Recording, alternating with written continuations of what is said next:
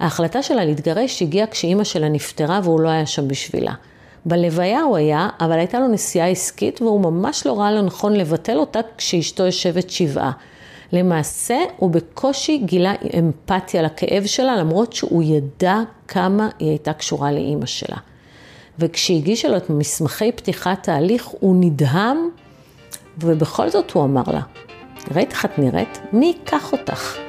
ברוכים הבאים לסדרת השורטקסטים, שהם בעצם סיפורים מהבלוג שכל כך אהבתם. הליכי גירושים, בשל עוצמתם והשפעתם על הנפש האנושית, טומנים בחובם חשיפה. וככל שההליך קשה יותר, כך גדלה החשיפה. הליכי גירושים יכפו עליכם לחשוף את ההכנסות שלכם, את חשבונות הבנק שלכם, את התוצאות העסקיות שלכם, את הרכוש שלכם, וגם את הרגלי המין שלכם, את היכולות ההוריות שלכם, את הדרך בה אתם מתנהגים לאנשים הקרובים לכם ביותר, אילו מילים אתם אומרים בתוך הבית פנימה, מה אתם כותבים בוואטסאפ, וכך, אם תרצו או לא תרצו, תחשפו את נבחי נשמתכם. מגוון ההתנהגויות האנושיות שנחשפות בהליכים האלו מותיר אותי נדהמת בכל פעם מחדש מכמה מופרעים ורעים יכולים להיות אנשים שנראים נורמטיביים ומצליחים כלפי חוץ. וכל ההקדמה הזאת נועדה כדי לספר לכם שני סיפורים. לראשון קראתי מהנדס מוח. כששאלתי אותה בפגישת ייעוץ במה בעלה עוסק, היא רצתה לומר לי שהוא מהנדס חשמל, אבל היא אמרה שהוא מהנדס מוח, והיא התכוונה שהוא עושה לה גז לייטינג. לא סתם gaslighting, gaslighting מסוג קשה ואכזרי במיוחד. כזה שנוגע בנקודות הכי כואבות בנפש שלה עם אזמל של מנתח מוח. היא המשיכה וסיפרה איך הם נישאו כשהיא הייתה רווקה בת 38 והוא גרוש בן 47, אבא לשני בנים, ואיך הוא אמר לה שגם הוא רוצה משפחה גדולה והבטיח לה שיחד הם יבנו בית ומשפחה, ואיך שהיא ילדה את הבן הבכור שלה בגיל 40, הוא התעלם ממנה שנה שלמה כי הוא רצה בת. ואיך שנתיים אחר כך היא ביקשה שהם יביאו עוד ילד לעולם והוא התחמק. וכשהיא דיברה על ליבו והתחננה, הוא סירב בתוקף ואמר שיש לו מספיק ילדים, והחליט שהם מתחילים טיפול. לא טיפול זוגי, לא טיפולי פוריות, טיפול שתיקה. וכך במשך כמעט שנתיים הוא לא החליף איתה מילה, וישן בחדר אחר ומחק את סיכויי הפריון שלה.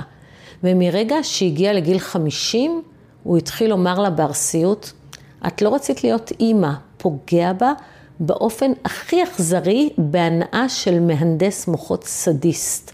הוא תמיד ניסה להנדס לה את תפיסת המציאות במוח.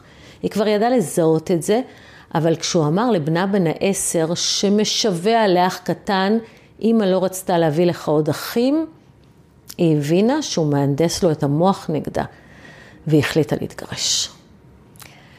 לסיפור השני קוראים תסמונת המתחזה. כשמקלפים את המסכה מעל חזותו הנאה וההתנהגות הנעימה, נתקלים ברוע צרוף. פרצי הרוע האלה התחילו שנתיים לתוך הנישואים עם ביקורת בלתי פוסקת שהוא נהג להעביר עליה. כשהיא ביקשה קידום בעבודה, הוא הסביר לה שאין שום סיכוי שהיא תקודם, כי הם בטח כבר יודעים את מה שהוא גילה מזמן, שהיא לא באמת חכמה. וכשהיא קודמה בכל זאת, הוא אמר לה, איזה יופי שהם לא קלטו אותך עדיין, שיחקנו אותה עם העלאה במשכורת. והיא האמינה לו, וכל הזמן היא חששה שתכף כולם יגלו שהיא לא כזו חכמה כמו שהיא נראית.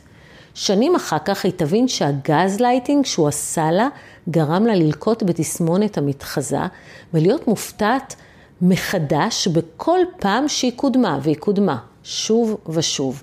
היה בה שילוב של מוח חד וחריף וחריצות יחד עם צניעות וענווה שהיו תולדה של הקטנות בלתי פוסקות ושהפכו אותה לעובדת מעולה. אלא שהוא לא עצר בזה. הוא נהג להעיר לה בלי סוף גם על המראה שלה. יש לך צלוליטיס, השמנת, העור שלך דהוי, תלכי לטיפול אצל הקוסמטיקאית שלך. למה לא הורדת שערות? זה דוחה. תפסיקי לאכול לחם, אני לא מבין לאן את רוצה להגיע עם המשקל הזה. ובשביל להוכיח את הטענות שלו, הוא נהג לצלם אותה בלי שהיא תבחין מאופן מאוד לא מחמיא, להגדיל את החלק שזקוק לטיפול ולשלוח לה בוואטסאפ עם שאלות אה, נלוות מה יהיה, לאן תגיעי, או מצבך מידרדר. תופעה. כשהחמיאו על, על איך שהיא נראית, היא חשבה שהם לא רואים אותה באמת כמוהו, לא רואים את צלוליטיס, את הבטן, את השערות ברגליים שלא תמיד היא הספיקה להסיר, או את האור שלה בלי איפור. אני לא יודעת איך היא ספגה את הרוע הזה כל כך הרבה שנים. אבל כשאני פגשתי אותה ראיתי אישה יפה, חטובה ומצליחה, שבטוחה שהיא לא כזו, ושתכף כל העולם יגלה מי היא. ההחלטה שלה להתגרש הגיעה כשאימא שלה נפטרה והוא לא היה שם בשבילה. בלוויה הוא היה, אבל הייתה לו נסיעה עסקית והוא ממש לא ראה לנכון לבטל אותה כשאשתו יושבת שבעה. למעשה הוא בקושי גילה אמפתיה לכאב שלה, למרות שהוא ידע כמה היא הייתה קשורה לאימא שלה.